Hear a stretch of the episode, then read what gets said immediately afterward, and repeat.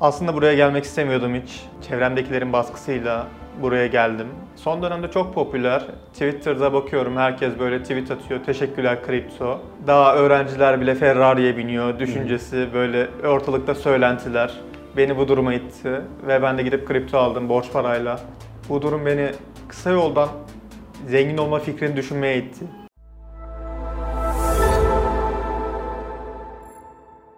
Merhaba sevgili Satoshi takipçileri.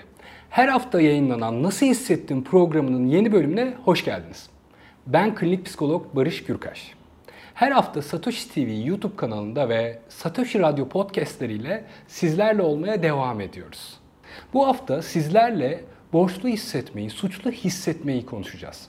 Hatta finansal kararlarımızda bile bu duyguların, bu davranışların bizi nasıl etkilediğini ele alacağız. Bu haftaki konuğumuz Oğuz. Gelin birlikte Oğuz'un yaşadıklarına biraz daha yakından bakalım. Evet Oğuz, seni buraya getiren şey nedir? Aslında buraya gelmek istemiyordum hiç. Çevremdekilerin çevremdekilerin baskısıyla buraya geldim. Normal bir terapi dediler. Herkes gider dediler. Ve bir şekilde gelmek durumunda kaldın. Peki mutsuzum dedin. Doğru mu anlıyorum? Seni mutsuz eden şeyler nedir son dönemde? Aslında herkesin yaşadığı para kaybetmek. Son dönemlerde popüler olan bir şeye girdim ben de, bir işe girdim. Ee, ve kripto işine girdim. Son dönemde çok popüler. Twitter'da bakıyorum herkes böyle tweet atıyor. Teşekkürler kripto. İşte sayenizde zengin oldum. Bu tarz şeylere ben de girmiş oldum. Daha Ama önceden- son derece pişmanım. Daha önceden böyle bir deneyimin var mıydı hiç pi- finansal piyasalarda yoksa ilk defa mı böyle bir şeyin içine girdin? Uzun dönemdir takip etmekteyim aslında ama hiç böyle bu şekilde satın almayı düşünmemiştim. E, bu işe girmeyi düşünmemiştim. Ben de bir arkadaşımı uydum ve bu işe Hmm. girdim. Arkadaşın ne demişti de girmeye ikna oldun ya da karar verdin? İşte herkesin bildiği e, daha öğrenciler bile Ferrari'ye biniyor düşüncesi böyle ortalıkta söylentiler. Beni bu duruma itti ve ben de gidip kripto aldım borç parayla. Oğuz'un yaşadığı şey bana aslında çok tanıdık. 2000'lerin başında borsaya çekilmeye çalışan insanlar gibi. Bu borsalarda insanları bir şekilde reklamlarla, lüks otomobillerle, helikopterlerle, takım elbiseli insanların burası başarıdır, burada olman lazım mesajları vererek insanları içine dahil etmesi gibi geliyor bana. Dahil olmakta hiçbir sorun yok.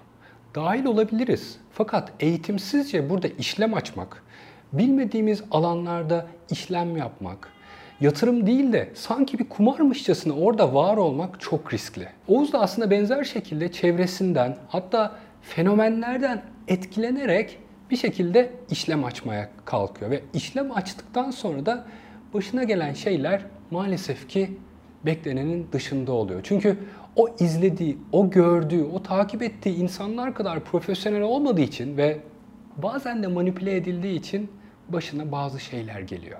Bunun altında biraz da küçüklükten gelen şeylerin olduğunu düşünüyorum.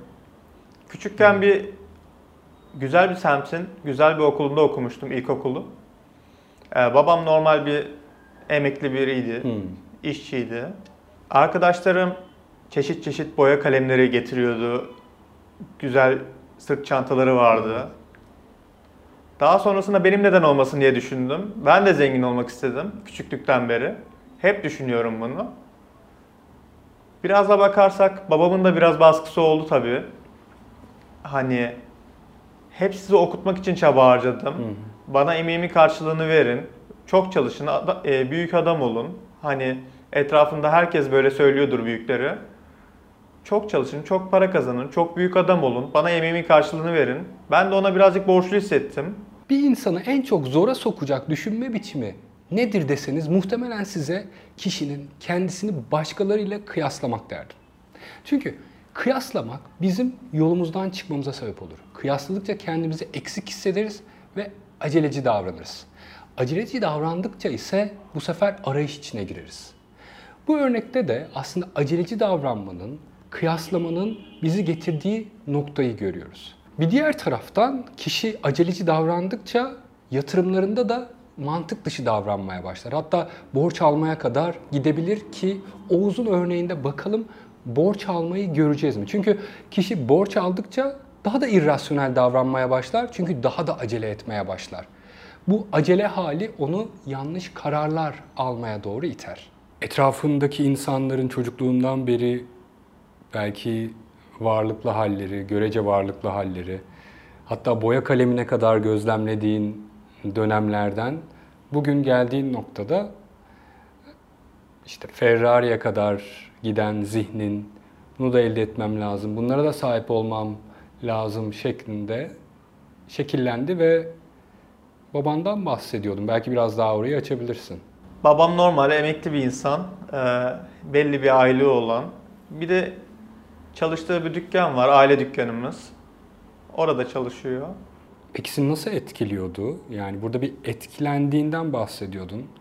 Nasıl bir etki hissediyordun o dönemde hayatında ya da bugüne yansıyan bazı etkiler olarak? Arkadaşlarımı görünce durumu iyi olan arkadaşlarımı neden benim olmasın diyordum hep içimden.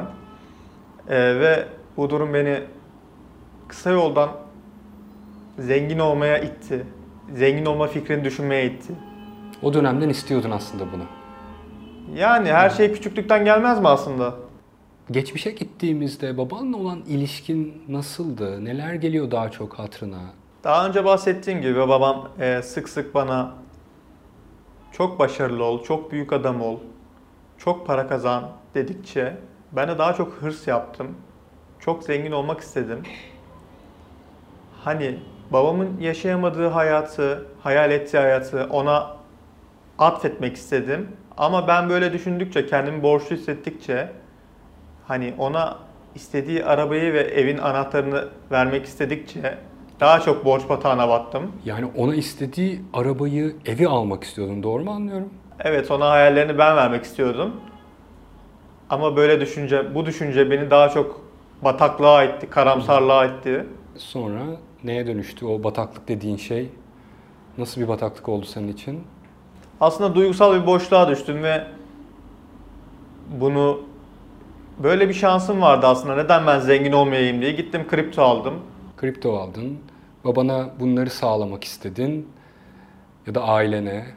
Daha çok babandan bahsettiğini görüyorum bu arada. Belli ki babanla da aranda çok sıkı bir bağ vardı. Ona istediği, hayalini kurduğu hayatı yaşatmaya çalışırken kriptolarla ilgili bir bataklık olarak adlandırdığın bir şeyin içinde buldun kendini. Ya herkes kaybediyor günümüzde. Ama ben babamdan da borç para aldım. O ayın dükkanının kirasını aldım. Ve gittim bankaya kredi çektim. Onun üstüne ekledim. Tüm varlığımı buna bastım. Ya çok mutsuzum şu an. Sorumluluk hayatımızda bizi büyütür, bizi bir adım öteye götürür. Fakat omuzlarımıza gereğinden fazla sorumluluk ve yük yüklendiğinde bu bizim ilerlememize engel olur. Tıpkı Oğuz gibi. Bu sefer kararlarımızı mantık dışı vermeye başlıyoruz. Bu sefer istediğimiz hayat yaşamaktansa başkalarının bizim için dizayn ettiği hayatı yaşamaya başlıyoruz. Çünkü bunun farkında bile olmuyoruz. Tüm isteklerimiz sanki oymuş, olması gereken oymuş gibi davranmaya başlıyoruz. Ama ne zaman ki omuzlarımızdaki o yükü atıyoruz, o zaman omuzlarımızdaki yükün yük yaptığını, bize ağır geldiğini hissedebiliyoruz. Aslında Oğuz'un da bu noktada bunu fark etmesi çok kritik. Evet kültürümüzde biz büyük aileler halinde, geniş aileler halinde birbirimize destek olarak ilerliyoruz. Fakat hiçbir çocuk hiçbir şekilde bu kadar yükün altına girmemeli, etraf tarafından da sokulmamalı diye düşünüyorum. Şayet seninle aynı yaşlarda bir arkadaşın sana gelip deseydi ki Böyle böyle bir hayalim var. Babama böyle bir hayat yaşatmak istiyorum. Aileme böyle bir hayat yaşatmak istiyorum. Ben yaşayamadım, onlar yaşasın. Onların hayali vardı. Ve ben tüm borçlanma sistemlerini kullanarak da kendimce bilmediğim bir şeyin içine gireceğim. Üstelik orada uzman değilken uzmanmış gibi işlem açacağım deseydi. Ona nasıl bir öneride bulunurdun? Aslında ben şu anki durumumdan yani canım yandı bir kere. Bir daha bu işe girmemesini isterdim. Çünkü Yani hayatta da böyle değil mi aslında? Hiç bilmediğin bir işe girince başarı başarı seni bulmayacak. Neden? Ya çünkü hiçbir şey bilmiyorsun. Yani acemisin.